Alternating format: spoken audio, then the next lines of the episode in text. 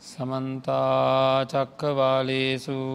අත්‍රාගච්චන්තු දීවතා සද්දම්මං මනිරාජස්ස සුනන්තු සග්ග මොක්කදං දම්ම සවන කාලෝ අයං භදන්තා දම්ම සවන කාලෝ අයං භදන්තා ධම්ම සවන කාලු අයං භදන්තා.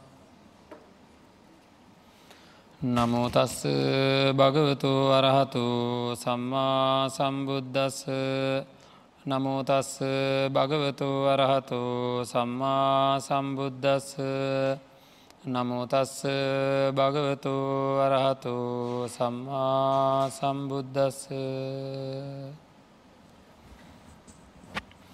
අතකෝ භික්කවේයාමංතේසී අන්දදානි භික්කවේයාමංතියාමි වූ අයදම්මා සංකාරා අපමාදීන සම්පාදීත නචිරං තතාගතස්ස පරිනිබ්බානං භවිස්සතීතෝ තින්නං මාසානං අච්චයේන තතාගතෝ පරිනිබ්බායිස්සතීතීදම වූච භගවායිදංවත්වාන සුගතෝ අතා පරංගේ තද වෝච සත්හාති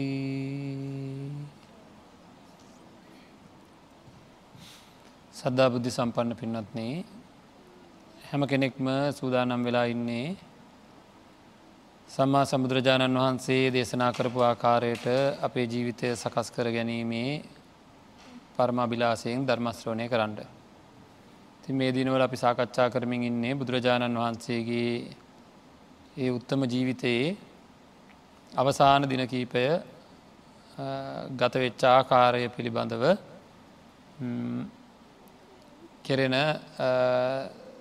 ධර්ම දේශනා මාලාවේ තවත් එක් ධර්ම දේශනාවක් අපේ ශ්‍රද්ධාවතාව වැඩිෙන්ඩත් වීරිය වැඩිවෙන්ඩත් තමයි අපි මේ ධර්ම දේශනා මාලාව සකස් කරගත්තේ.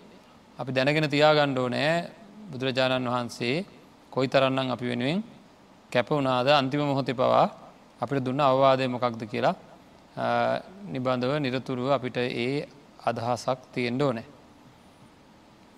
අපි සාකච්ඡා කරම හිටිය චාපාල චෛත්‍යයේදී බුදුරජාණන් වහන්සේ ආනන්ද හාමුදුරුවන්ට ආයු සංස්කාරය අතහැරයා කියන කාරණාව දැනුන් දෙද්දී ඒ මහපොළොව කම්පා වනා ඒ කම්පාවෙන්ට හේතු ආනන්ද හාමුදුරවිල්ල අහද්දි මාරායාචනයත් එක්ක ඉට පස්සේ ජීවිත ආයුෂ සංස්කාරය ජීවිත සංස්කාරය අතහැරයා මාරායචනයෙන් පස්සේ කියලා. සිද්ධ වෙච්ච බව ඒ දවස අපි සාකච්ඡා කරා පරණිරන් සුත්ති තියෙන ආකාරයට. ඩොස ආනන්ද හාමුදුරුව ආයාචනා කරා වැඩඉන්ඩ කියලා කල්පයක් හෝ කල්පයකට වැඩි කාලයක්. මේ ඒකට කාලය නෙවේ කියන එක බුදුරජාණන් වහන්සේ දේශනා කරා මේ ඒකට කාලය නෙවෙයි දැන් ඔබ ආනන්දය ඔබේම වරද මේක කලින් ආරාධනා කරන්න තිබ්බ එකයි කියලා. ඉට පස ඒ කාරණාව යුරුණට පස්සේ මහාවනයේ කූටාගාර ශාලාවට භික්‍ෂූන් වහන්සේලා ඔකෝම කැඳවන්ඩ කියලා කිව්වා. ඒ බුදුරජාණන් වහන්සේ සඳහන් කරනවා මහාවනයේ කූටාගාර ශාලාවට භික්‍ෂූන් වහන්සලා ඔක්කෝමල කැඳවන්ට කියලා ඒ භික්‍ෂූන් වහන්සේලා එතෙන්ට වැඩම කරාට පස්සේ අපි ඒ මතක් කරා බ්‍රහ්මචාරී බ්‍රහ්මචරයා චිරස්ථායි ධර්ම දේශනාව සිද්ධ කලා කියලා. එතකොට මේ බ්‍රහ්මචරියාව ස්තීරවතා කෙනෙක්ගේ බ්‍රහ්මචරියාව ස්තීරව තියෙන්ට. මොනවද කරණ්ඩෝ නෑ කියලා බුදුරජාණන් වහන්සේ දේශනා කරනවා කතමේචත භික්කවේ දම්මා මයා අභිඤ්ඥා දේශිතා කියලා සඳහා ආරම්භ කරපු මේ දේශනාවේ අවබෝධ කරගෙන මා විසින් අවබෝධ කරගෙන දේශනා කරපුයේ ධර්මයට අනුව ඒවෝ සාධකං උග්ගහෙත්වා ආසවි තබ්බා භාවය තබ්බා බහුලී කතා බහුලී කතබ්බා මේවා ආශ්‍රය කරන්ඩ මේවා බහුල බහුලව භාවිතා කරන්නඩෝ නෑ භාවිතා කරන්න ඕනෑ.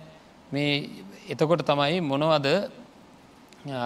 ඇයි මේවා භාවිතා කරන්න ඕන? ඒ බ්‍රහ්මචරියාව චිරස්ථිතව පවත්තාගෙන යාම සඳහා.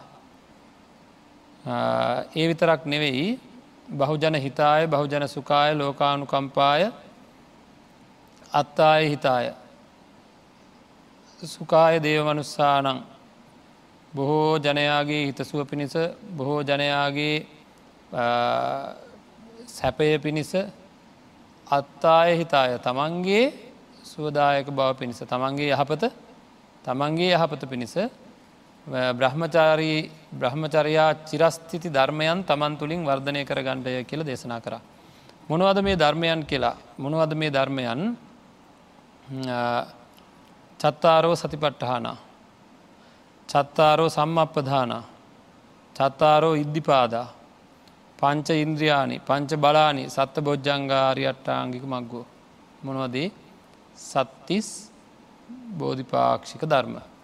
සත්තිස් බෝධිපාක්ෂික ධර්ම ඉපදින්නේ කොහෙද. සත්තිස් බෝධිපාක්ෂික ධර්ම තියෙන්නේ ඉප දෙන්නේ ඉපදිය හැකිව තියෙන්නේ කොහෙද? ම කිව ඒ දවස අපි යම් ප්‍රමාණයකට හරි මේක සාකච්ඡා කරගන්න ඕන කියලා. මේ බෝධි පාක්ෂික ධර්මයන් ඉපදිය යුතුව ඉපදිය හැකිව තියෙන්නේ කොහෙද. පොතේ. ද. නෑ. කොහෙද? අපේම සන්තානය කිසිම තිරිසන් සතකට හෝ ඊට පල්ලයා ඉන්න කිසිම සතකට මේ බෝධිපාක්ෂික ධර්ම උපදවාගන්න පුළන්කමක් ඇත්තනෑ බෝධිපාක්ෂික ධර්ම උපදින්නේ හේතු ඇතුවද හේතු නැතුවද. හේතු ඇතුව. හේතු නැතුව උපදින්නේම නෑ. හේතු නැතුව උපදින්නේම නෑ. බෝධිපාක්ෂික ධර්ම උපදින්ට හේතුවෙන හේතු සකස් වනේ නැත්තං හිතක ඒ ධර්මතාව උපදින්නේම නෑ. හරි එතකොට මනුස්ස ජීවිතයක් ලැබිච්ච අපි හරියටම දැනගෙනද ජීවත්වවෙන්නේ නැත්තං අයාල යන වගේද ජීවත්වවෙන්නේ. මොකද කියන්නේ. අද හැන්දෑ මොනවෙන්ට තිනද කියලා දන්නවද. දන්න නේද. හඬන්ඩ වැලපෙන්ඩ මහා පීඩාකාරි තත්වයන් නැතිවෙන්ට තින ඉඩකඩක් අද හැන්දෑ තිනවද නැද්ද. ඔය සන්තානය ඔය ඔය ක්‍රියාත්මක වෙන සන්තානය තව මොහොතකින් මහා වෙනසකට භාජනයෙන්ට කෙටින් කරන පිස්සු හැදෙන්ට උනත් පුළුවන්කමත් තියෙනද නැද්ද? කාඩර කියන්න පුලද මට පිස්සු හැදෙන්නේ නෑමයි කියලා? කියන්න බෑ. එහෙනම් මේ මනසිකාරය මගේ මගේ වැඩක්ද? මගේ තුළ උපදින සිතුවිලි මගේ වැඩක්ද? නෑ. නේද? එක ඒක ඒවා හේතු වෙලා එක එක උපදින උපදින චේතනාවන් අනුව අපි නොයෙකුත් වැඩ රාජකාරි සිද්ධ කරනවා. එහෙමද නැද්ද? නේද? එතකොට ඒ හැම දෙයක් උපදින්නේ අතීත හේතු ඇතුව. සතර සතිපට්ටහානය උපදින්නෙත් හේතු ඇතුව. සතර යුද්ධිපාද උපදින්නෙත් හේතු ඇතුව. සතර සම්යක් ප්‍රධාන වීරය උපදින්නෙත් හේතු ඇතුව.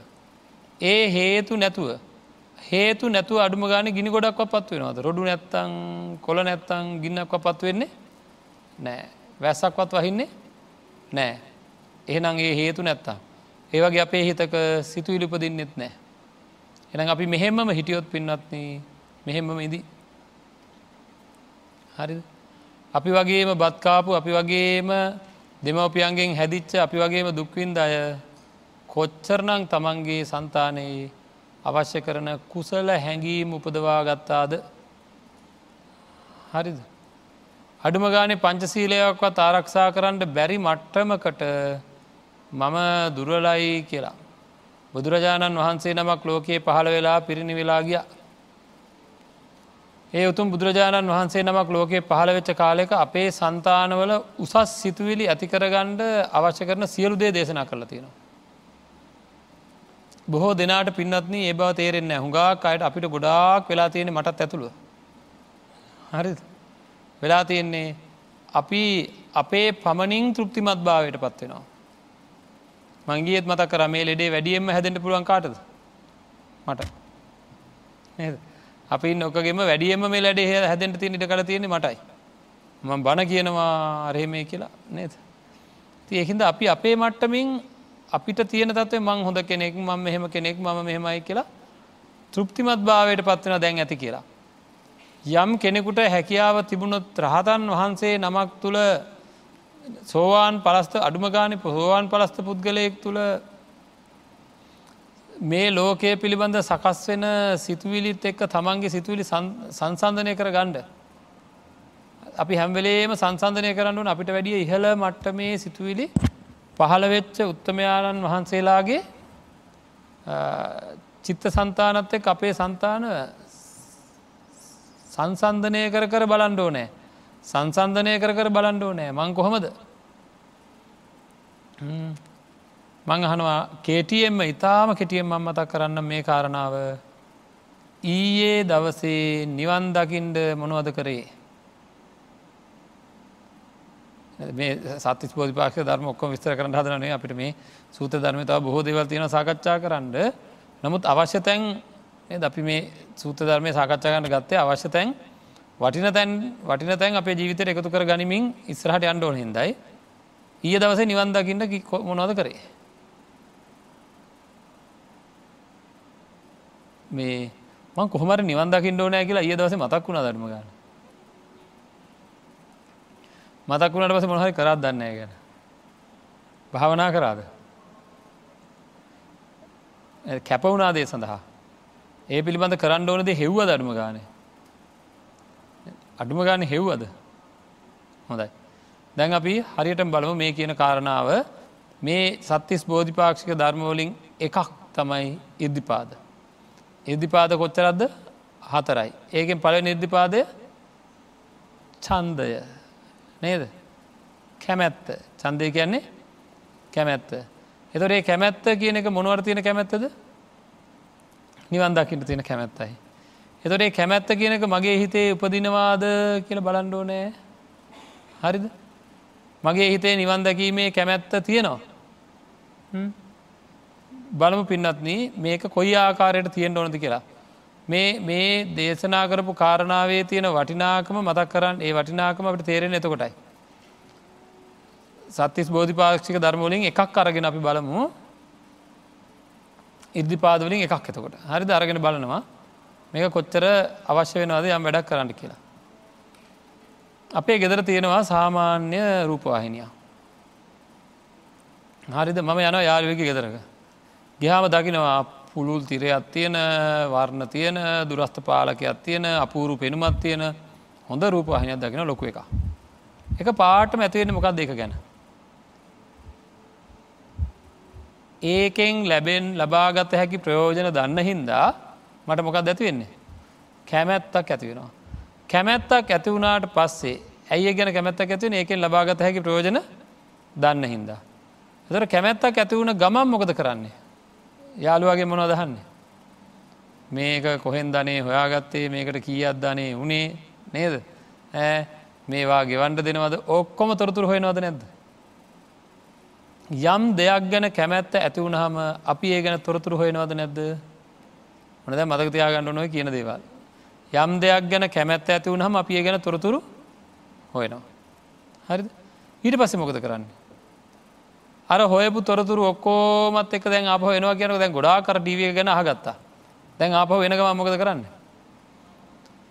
මෙච්චර ගානක් යන්නේ ගෙවන්ඩත් දෙනවලු මගේළඟ මෙච්චර බඩු රත්තරම් බඩු ටිකක් තියෙනවා මගේළඟ මෙච්චර සල්ලි තියෙනවා මට හවලාගෙන් ගණ්ඩ සල්ලි වගේයක් තියෙනවා මට හවලාගේ මෙච්චරක් ගණ්ඩ පුළුවන් නේද?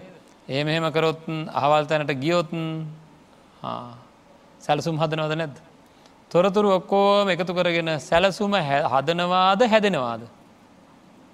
සලසුම හැදෙනවා. ඇයි කැමැත්ත හින්දා. නේද? කැමැත්ත කියන ධර්මතාවය මෙතන තියෙනවා. මොකට කැමැත්තද? රූපහිනට කැමැත්ත. නේද? එන්න ඒකට කැමැත්ත තියෙන හින්දා සැලසුම හැදෙනවා. සැලසුම හැදෙනවා. පිළිගන්නවද? හරි. ඊට පස්සේ දැම්මොකද වෙන්න ඊට පස්සේ? එකින් එක ක්‍රියාත්මක භාවයට යනවා. දැන්ගින් බලන්න බැංගු පොතේ කියත් තියෙනවාද? හොදැම් බලනවා දැන්. නේද? ඔය බලන අතරවාර ඔන්න කවුරරි හම්බෙනවා. හම්බුනාම හම්බුණ ගමන් කියන්න මොනවද. හම්බුණ ගම කවර හම්බුණ ගමන් කියන්නමකත ගොඩා කැමැති තියෙන දේද නැද කියන්නේ.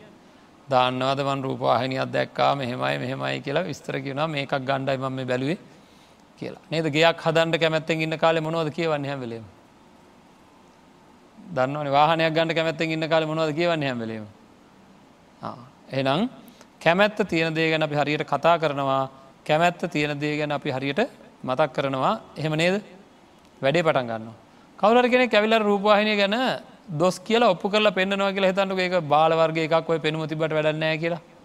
ආන්දැන් කැමැත්තට මොකද වෙන්නේ? අයිට කැමැත්ත අයින් වෙච්ච ගමන් වැඩේ ඇන හිටිනවා. නේද? කරගෙනාපු තැනින්ම ඇන හිටිනවා. ආය කරෙන්නේ ආයතනින් හැට යන්න අපිතු එහෙම නොවනා කියලා. එහෙම නොවනා නම් මොකද වෙන්නේ? ඔය කිව විදිට බැංකුවලට යනවා රත්තරම් බට්ටික් ගන්නවා තියෙන සල්ලි හොයා ගන්නවා ඉල්ල ගන්තින ඉල්ල ගන්නවා ඒව තියන් තැන්ට යනවා. අන්තිම ප්‍රතිඵලය මොකක්ද බලාපොරොත්තු වෙච්ච රූපවාහිනිය තමන්ගේ නිවසේ ආලින්දයට.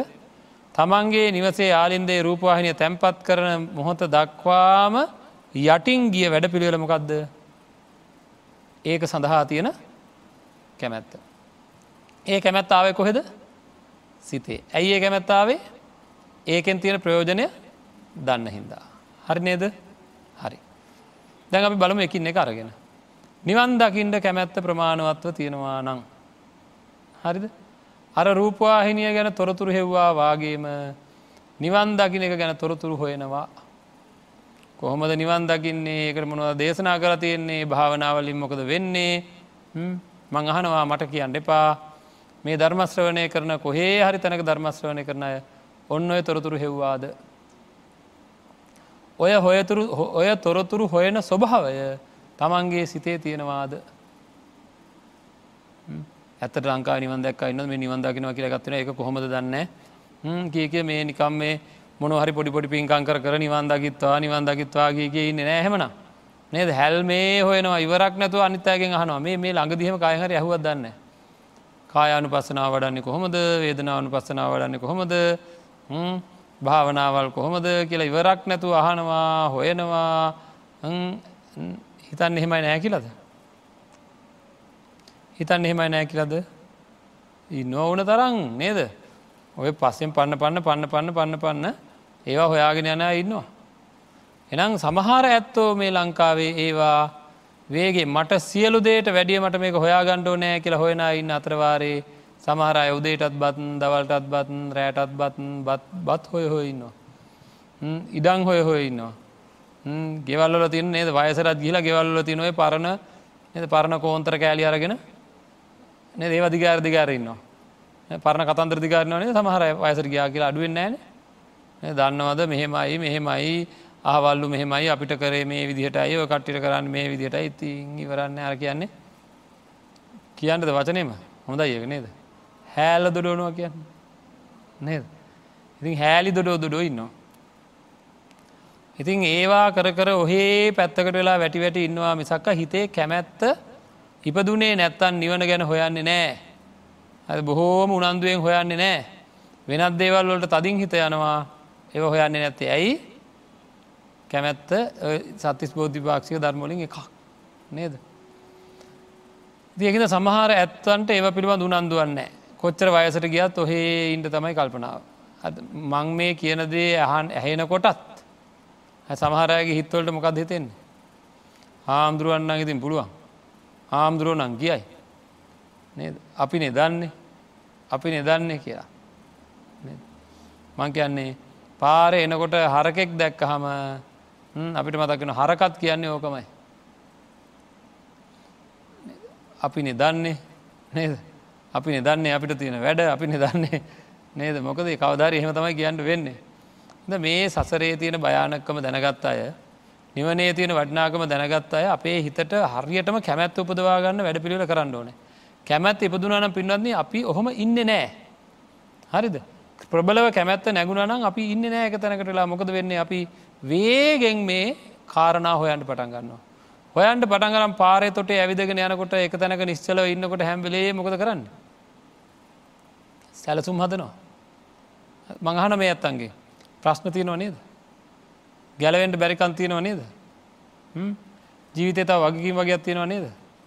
අඩ්ඩුම ගානේ මම මෙන්න මේ වයසට යනකොටවත් වගකීම් ටික අයින් කරලා හරිද ඔක්කොම බැහැර කරලා ඔක්කගෙම මං අයින් වෙලා බ්‍රහ්මචාර ජීවිතයකට වැටිලා මගේ වැඩේ කරගන්න ඕන කියල සැලසුමක් කැමතිනව දන්න වැඩි දෙනෙකුට නෑ පින්නත් නහෙම එකක්. හරි. තිහේ අයට අඩුම ගාන හතරිස් පහද මේක හිටියොත් නේද?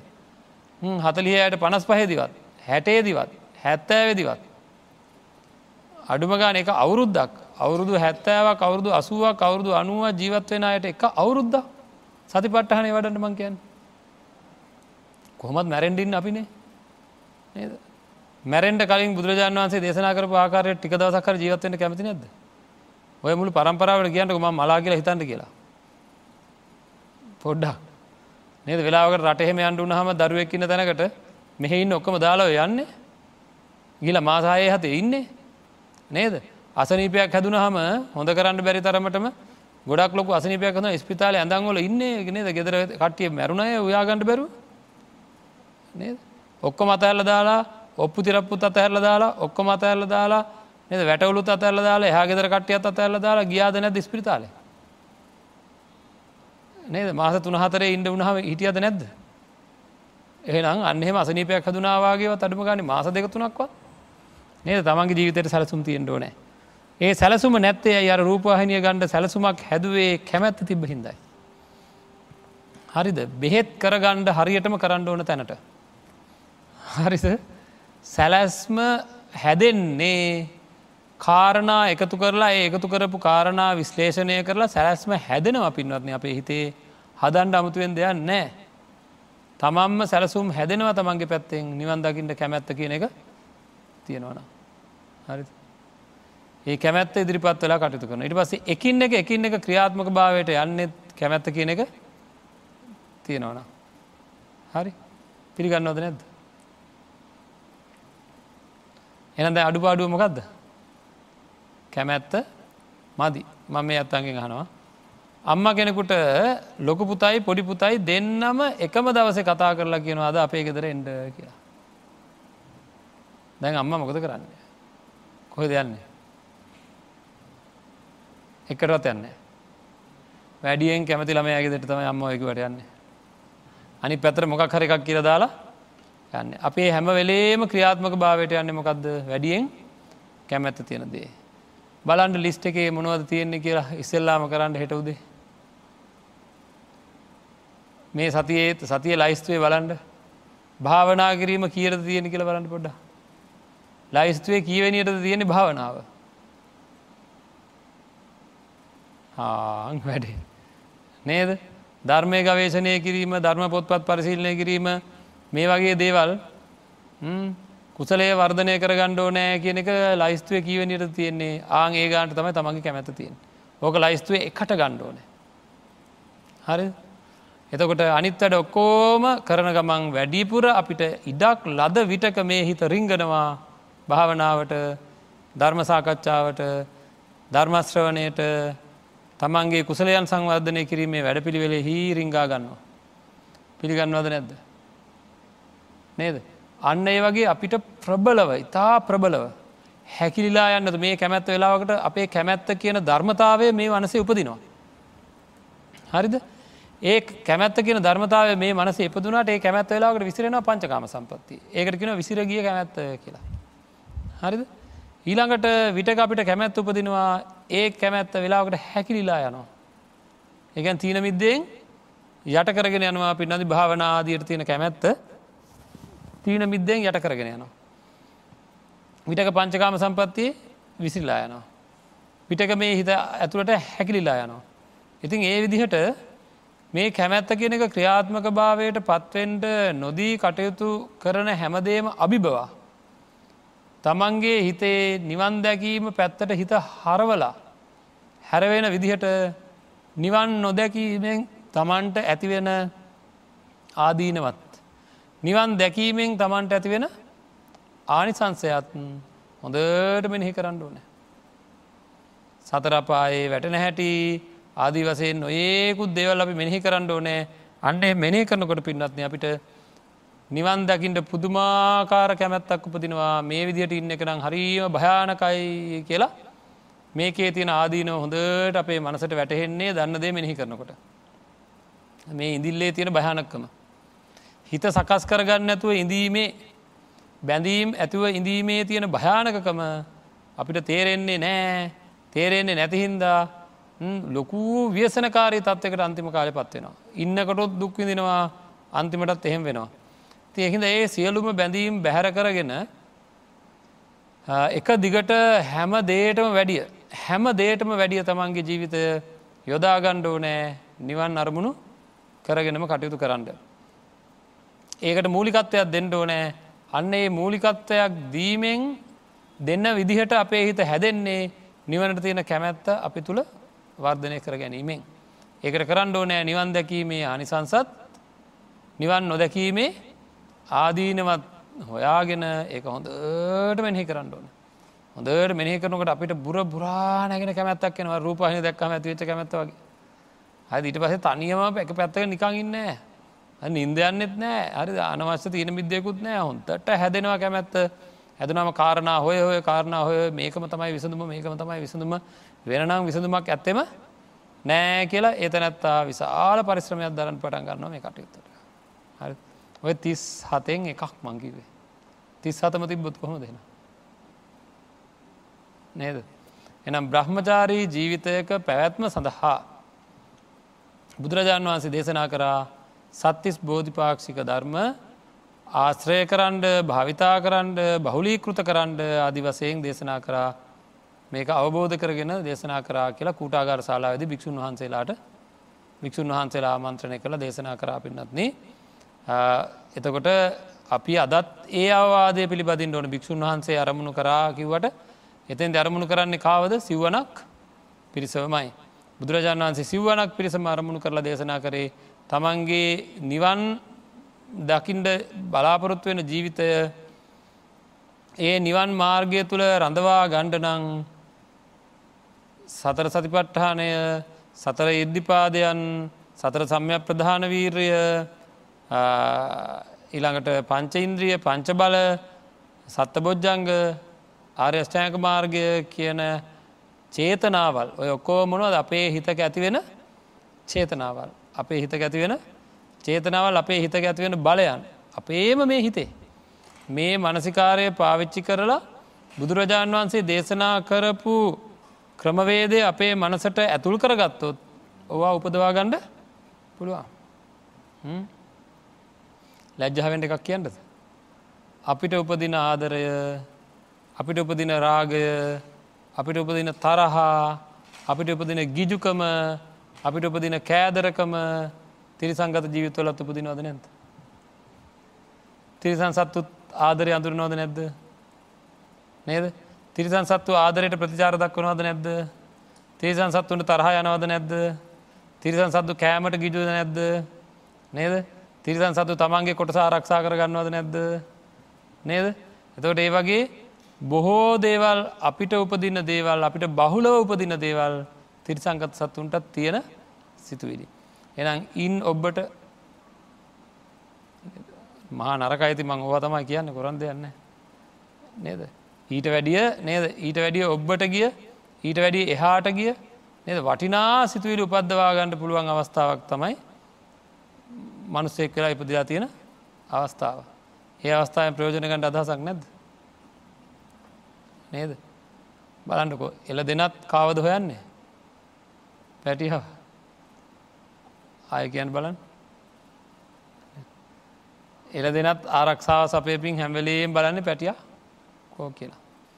ති ඒකමද කරන්න කියන්න ජීවිතේ. මේක ගැන ඒ කරන්න එපා කියලද. එපා කියලා නෙවෙයි නේද. ඇතුලාන්ත ඇතුලාන්ත පැඳීම් තියාගණ්ඩ එපා මේ ලෝකයේ හැමෝට මේක පොදුයි. මේ ළඟ දෙක දරුව ගෙනල මට අපූරු රූපයක් පෙන්න්නනවා.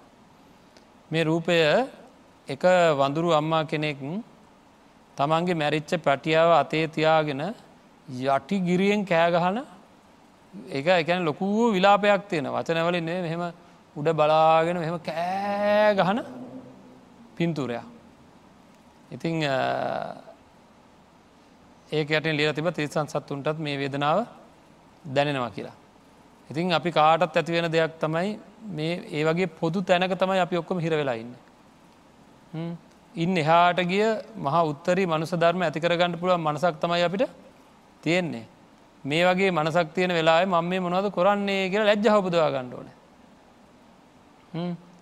මං වඩා උසස් දෙයක් ඇතිකරගත්ත නැත්තම් මේ ජීවිතය තේරුම තේරුමක් නෑ කියලා.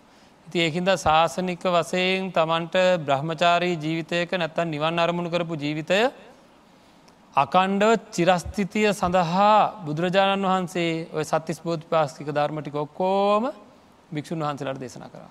එදා කූටාගාර ශලාවේදී. කොහොම චමත්කාරයක් තියෙන් නැද්ද මහළු භාවයට පත්වෙත්ත දිරත්ත කරත්තයක් වගේ දිරච්ච කරත්තයක් වගේ කියලා තමන්ගේ ශරීර ගැන බුදුරජාණන් වහන්සේම සඳහන් කරපු දැම් මේ පිළිසකර කරගෙන ම හට මෙහට යන්න කියලා බොහෝ වේදනා සහිත ජීවිතය ගෙවමින් ඉන්න වෙලාවේ භික්‍ෂූන් වහන්සේලා ඔක්කෝ මහවනේ කුටාගාර ශාලාවට කැඳවලා වගේ බ්‍රහ්මචාරී චිරස්ථායි දේශනා කියලා සත්තිස් බෝධිපාසික ධර්මයන් ගැන බුදුරජාණන් වහන්සේ දේශනා කරා. හරි ඊට පස්සේ භික්‍ෂූන් වහන්සේලා ආමන්ත්‍රණය කර බුදුරජාණන් වහන්සේ. හරි ආමන්ත්‍රණය කරලා සඳහන් කරා හන්දදානි භික්කවේ ආමන්තියෝවා ආමන්තයාමී වූ වයදම්මා සංකාරා මේ සියලූම සංස්කාරයන් නැතිවෙන ස්වරූපයේ තියෙන්නේ.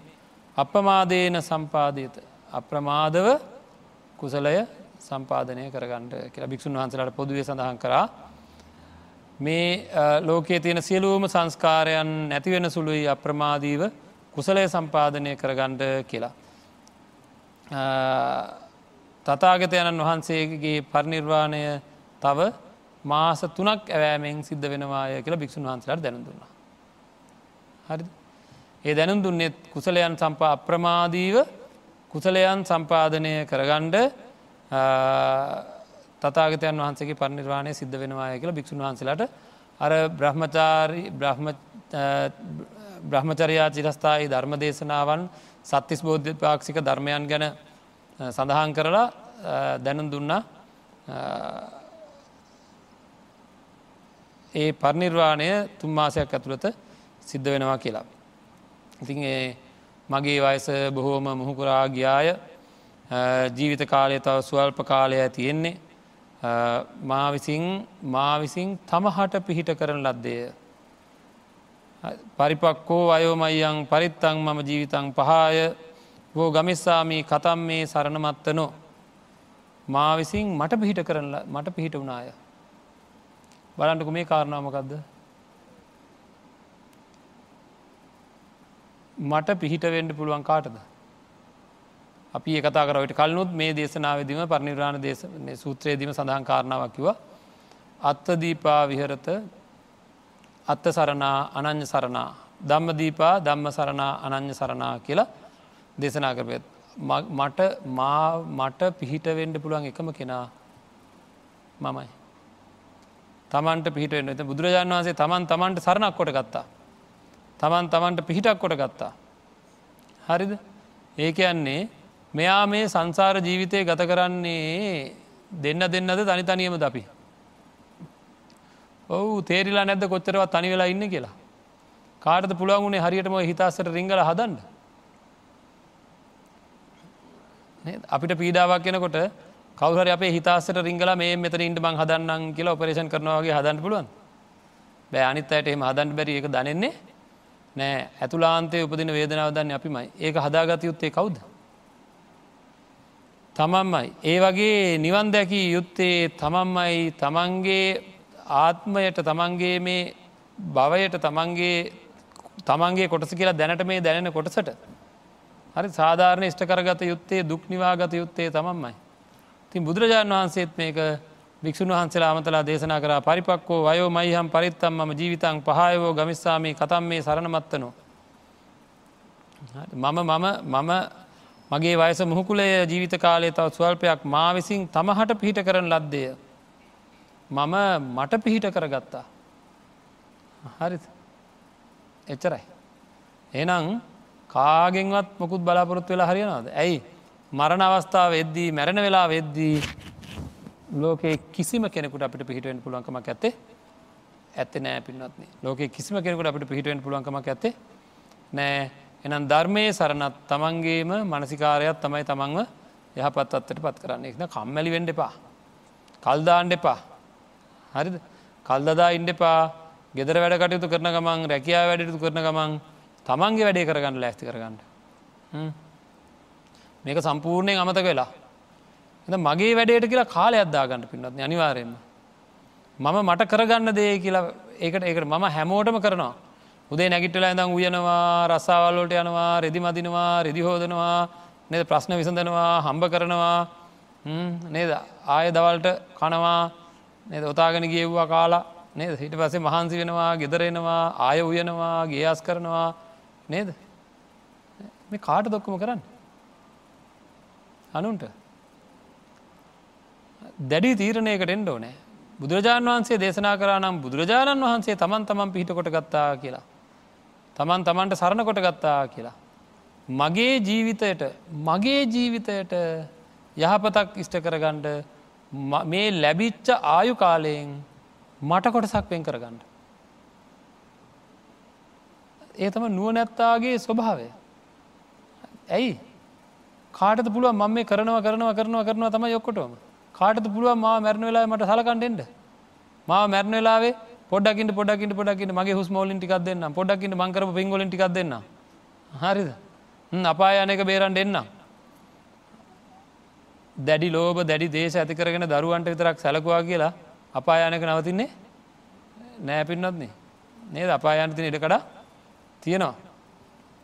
එහෙනම් තමන්ගේ යහපත උදාකර ගැනීමේ වගේීම තමන්ටයි කියලා මතක තියාගන්නඩුවන ඒක බුදුරජාන් වහන්සේ භික්ෂූන් වහන්සේට දේශනා කර. දේශනා කරලා දේශනා කරන්න මොකක්ද අපමත්තා සතීමන්තෝ සුසිලා හෝත භික්කවෝ සුසමාහිත සංකප්පා සචිත්ත මනුරක්කත. මේ හිත රැකගණ්ඩ කියලා දේශනා කරනවා. හරිද? මේ හිත රැකගණ්ඩ මහනෙන අප්‍රමාදීව සිහිය ඇතිව සුසිල්වත් වෙලා මොනවට පිහිට වූ සම්යක් සංකල්පනා සහිතව සිත රැකගණ්ඩ සිත රැකගණ්ඩ කියලා දේශනා කරනවා. අප්‍රමාදීව කටයුතු කරන්න කියලා දේශනා කරනවා. සිල්වන්ත වෙන්ඩ කියලා දේශනා කරනවා. සිහිය ඇත්තුව වාසය කරන්න කියලා දේශනා කරනවා. හරිද ඉතින් තමන්ගේ සිත සම්යක් සංකල්පනා සහිතව තමන්ගේ සිත රැකගණ්ඩ අප්‍රමාදීව ඇයිඒ අර සියලූම සංස්කාරයන් නැසෙන සුළේ තමන් තමන් පිහිටක් කොට ගණඩන අන්නේ විදිර කටතු කරන්න ඕනෑ කියලතින් තිඒ හින්ද අපි සත්තිස් බෝධිවාක්ෂක ධර්මයන් වැඩන්ට පටන් ගණ්ඩෝ නැද ඒ ඇමත් ඇති කර ගණ්ඩෝන තමන් තමන් පිහිටක් කොට ගණ්ඩෝ නෑ යෝ ඉමස්මින් දම්ම විනයේ අපමත්තා විහෙස්සති පහය ජාති සංසාරන් දුක්කත් සන්තන් කරිස්සති. යමෙක් මේ සසුනෙහි නොපමාව වාසය කරන්න වනං හෙතම ජාති සංසාරය නම් වූ දුක්කස්කන්දයෙන් අයිංගෙනවාය කියලා. හරි මේ සසුනෙහි නොපමා වාසය කරනවා ගැන මොකක්ද. මේ ශාසනය කියලා කියන්නේ ධර්මයයි. නේද. බුදුරජාණන් වහන්සේ මහා සංගරත්නය සිව්වනක් පිරිස. තකොට මේ ශාසනයෙහි මෙතන මේ ශාසනය කියන තමන්ගේ මේ ආර්යෂ්ඨායක මාර්ගය ආදී වර්ධනය කරයුතු පිළිවෙතයි. එතකොට මේ පිළිවෙතේ යම් කිසි කෙනෙක් නොපමාව වාසය කරන්නේ නම් ඉතින් දැම් පුළුවන්කම තියෙනවද නැද්ද. සතිපට්ඨානය ගැන සතිපට්ඨානය වඩනාකාරය ගැන තමන්ගේ හිදේ සතිපට්ඨානය ඇතිකරගන්න ආකාරය ගැන සියලු දේ මේ වෙනකොට තියෙනවද නැද්ද. මේ වෙනට අපි දන්නවද නැද්ද. ඒ ධර්මය තියෙනවද නැද්ද තියෙනවා. සතර ඉර්දිපාදයන් තමන්ගේ සන්තානය උපදවාගන්න ආකාරය පිළිබඳ කළ යුතු සියලු දේ ධර්මය තුළ තියෙනවද නැද්ද තියෙනවා. නේද. සතර සම්යක් ප්‍රධානය උපදවා ගැනීම පිළිබඳ සියලූම දේ මේ වෙනකොට තියෙනවද නැද්ද තියෙනවා. පංච බල පංචවීරය ආදිය තමන්ගේ සන්තානගත උපදවාගණ්ඩ කළ යුතු සියලු දේ ධර්මය තුළ තියෙනවද නැද්ද තියෙනවා. බොජ්ජංග උපදවා ගැනීම ගැන කළ යුතු සියලු දේ නෑ අපි මේ දවස්ටික හොඳටම කතා කරා පහුගටික නේද හැම දේම සාකච්ඡ කර කොහොමද බෝධියංග උපදවා ගන්න කියලා ආර්යෂ්ටෑංග මාර්ගය ගැන කතා කර. තව කරුණු හෙවුවත් ඊට වැඩි කරුණු ගොඩ තියෙනවා ධර්මය තුළ. එනම් මේ ශාසනය තියෙනවා. නේද. ශාසනය තියෙන කාලේ අපිට අප්‍රමාධීව කටයුතු කොරොත් ඉහළම ඉහළ තැනකට තමන්ගේ ජීවිතය පත් කරගන්න පුළුවන්. හරි ඒකයි ඒකයි බුදුරජාණන් වන්ස දේශනා කර අපමත්ත අපමත්තා සතිමන්තෝ සුසිලා හෝත භික්කවෝ. සුසමාහිත සංකප්පා සචිත්ත මනුරක්කත මේකට ඉඩ තියන් දෙපා මේ හොත කොහොම හිත කොහොම හරි රැක ගණ්ඩ. මේක හැම වෙලේම නොඒකුත් ලෝබදේශ මෝහයන් මූලික කරගෙන රූප ශබ්ද ගන්දරස ස්පර්ශ දම්මාදී ඇලී ගැලී වාසය කරන්න නද ඒ වගේම läගලැග läගලැග ඉන්ඩ පුදුම නැබුරුතාවයක් තියෙන්නේ. තින් අන්නේ වගේ අයින් වෙලා ඉක්මනින්ම හිත ආරක්ෂා කරගන්නට සීලය ආරක්ෂා කරගන්න නිවැරි සංකල්පන ඇති කරගන්නඩ කියලා මේ කූටාගාරයට මහාවනේ කූටාගාර ශලාවට රැස්සච්ච භික්‍ෂූන් වහන්සේලාට ඒ පරනිර්වාණය ගැන බොහෝ දේවල් මතක් කරමින් පින්නත්න මේ විදිට අවවාධනු ශාසනා කරා අවසාන කාලද අවසාන වසයෙන් බුදුරජාණන් වහන්සේ මේ තව තුම්මාසයකින් පිරිනිවම් පානවාය කියලා දේශනා කරලා භික්‍ෂූන් වහන්සේලා තෙද ගැන්වේ බල ගැන්වේ අන්නේ ආකාරයට. හරි. තියකයි මං අහන්නේ. අපි මේ ධර්මය අහලා තියෙනවනේ. සත්තිස් බෝධි පාෂික ධර්ම ගැන හලතියෙනවා. නේද? අප්‍රමාදය වාසය කරනෙක් ගැන හලතියෙනවා. නමුත් බුදුරජාණන් වහන්සේ පරිනිර්වාණයේ ආසන්නේ ඉඳගෙන ඒ දුර්වල ශරීරයකින් යුක්තව භික්‍ෂූන් වහන්සේලා ඒකරාසී කරලා මේ විදියට අපි ඔක්කොම අරමුණු කරගෙන මේ විදියට ධර්මය දේශනා කරා කියලා ඇහෙනකොට වෙනදට වැඩි වීරයක් උපදිනවද නැද? නැ වෙනදට වැඩි සංගයක් උපදිනවද නැද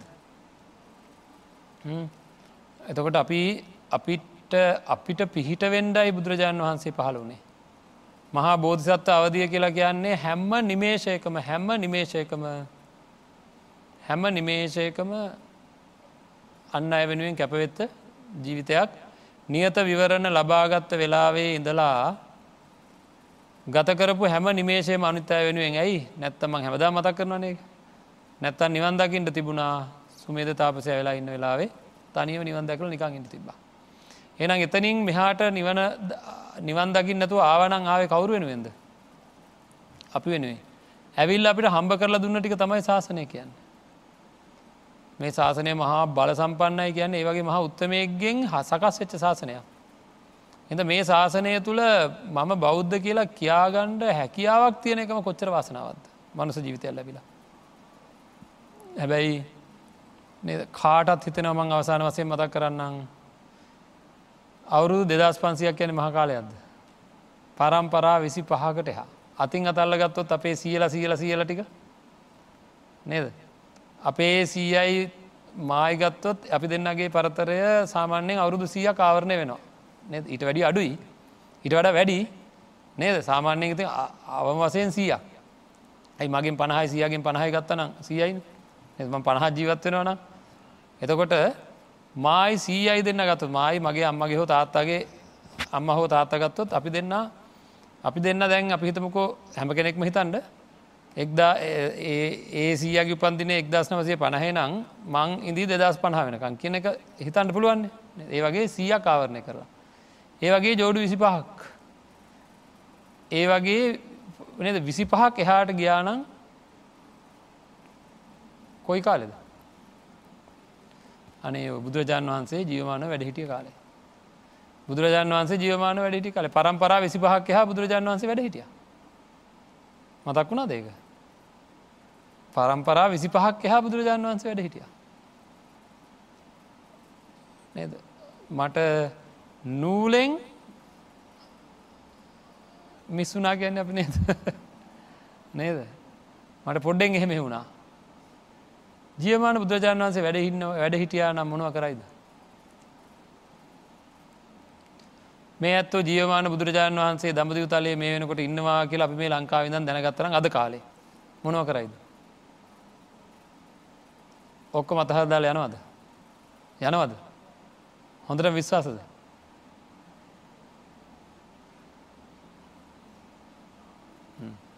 ඔය වගේම උත්තරයක් දෙයි තව යම්කිසි කාලෙකදී කවුහරි භික්‍ෂූන් වහන්සේ නමක් ධර්මය අතුරු දහන් වෙලා. ධර්මය අතුරු දහන් වෙලා ධර්මය නැතුව වැඩවාසය කරන කාලෙක මිනිස්සුන්ගේ භික්‍ෂූන් වහන්සේ නමක් අහයි. ධර්මය කියල එකත් දැන්ට අවුරුදු ගානකට ඉස්සල තිබ්බලු. ඒ ධර්මය තිබුණානං හිත්වල තියෙන සියලු අකුසලයන් දුරු කරගන්න ක්‍රමයක් තිබ්බලු. සිත්වල තියෙන සියලු අකුසලයන් දුරු කරගන්න ක්‍රමයක් තිබ්බලු ඒක තිබ්බන ඔය කටිය මොකද කියන්නේ අපේ අපි ඒක තිබ්බනම් අපේ අකුසල් ඔක්කොම නැති කරගන්නවා ඒක නෑන එහෙම කියන කාලයක්කෙයි හරිද? අන්න එතෙන්ට යනකං ඉන් දෙපා අද ජීවමාන බුදුරජාණන් වහන්සේ නෑ කියලා පශ්චත්තාප වෙනවා. හැබැයි ධර්මය පැහැදිලිවම නිවන් දකිින් ඕන සිරු ධර්මය තියෙනවා. තව නොබෝ කලකින්ම නිවන් දැකියන්ට තියෙන සියලු ධර්මය අතුරු දහන් වෙනවා. එදාට ඒකටත් පසුතවෙන්ඩ වේ. ඒකද තියෙන දේම් ප්‍රයෝජන ගණ්ඩ ලහි ලහියේ සූදානම් වෙන්ඩෝනෑ. හැම්බලේ මතක තියාගණ්ඩෝ නෑ අපමත්තා සතිමන්තෝ සුසිලා හෝත භික්කවෝ. අප්‍රමාදීව කටයුතු කරන්න කියලා බුදුරජාණන් වහන්සේ මට නිබන්ධව දේශනා කරා නිබඳව දේශනා කරා සුසමාහිත සංකප්පු සචිත්ත මනුරක්කත මේ හිතට නං ඉඩ දෙෙන්ඩ එපා මේ හිත අනිවාරයෙන්ම රැකගණ්ඩ කියලා බුදුජාන් වන්සේ මට දේශනා කරා කියලා අපි හැම්බලීම හික්මෙන්ඩෝන. ඉතින් ඒ සඳහා කටයුතු කරනමෙන් මතක් කරමින් අද දවසේ නිවසට වෙලා තමන් මේ ධර්මය ශ්‍රවණය කරපු පින්වත් පිරිසට මේ ධර්මදානමය පුුණ්‍යකර්මය සිද්ධ කරීමේ මැදිරිය වාසය කරන මේ පින්වන්ත අය. ඒ අයගේ අනුග්‍රහය හින්ද තමයි ලොව පුරාවට අද මේ ධර්මය ප්‍රචාරය වෙන්නේ. ඉතිං ධර්මශ්‍රවනය කරපු හැම දෙනාම ධර්මය දේශනා කර මත් ධර්මශ්‍රවනය කර නිවසට වෙලා ධර්මශ්‍රවනය කරු මේ හැම දෙනාමත් හැම කෙනෙක්ම අපි ප්‍රාර්ථනා කරම අධිෂ්ඨාන කරමු මේ මැදිරියේ ඉන්න ධර්මදානම පුුණ්‍යකර්මයට සම්බන්ධ වෙච්චේ සියලු දෙනාටම උතුම් අවබෝධය සඳහාම මේ සියලුම පින්කම හේතුවේවා කියල ප්‍රාර්ථනා කර. ආකා සට්ටාච බුම්මට්ටා දේවානාගා මහිද්දිකා පුඤ්ඥන්තන් අන්මෝදිත්වා චිරංරක්කං තුසාසනං චිරංරක්කං තු දේශනං චිරංරක්කං තුමං පරංතිී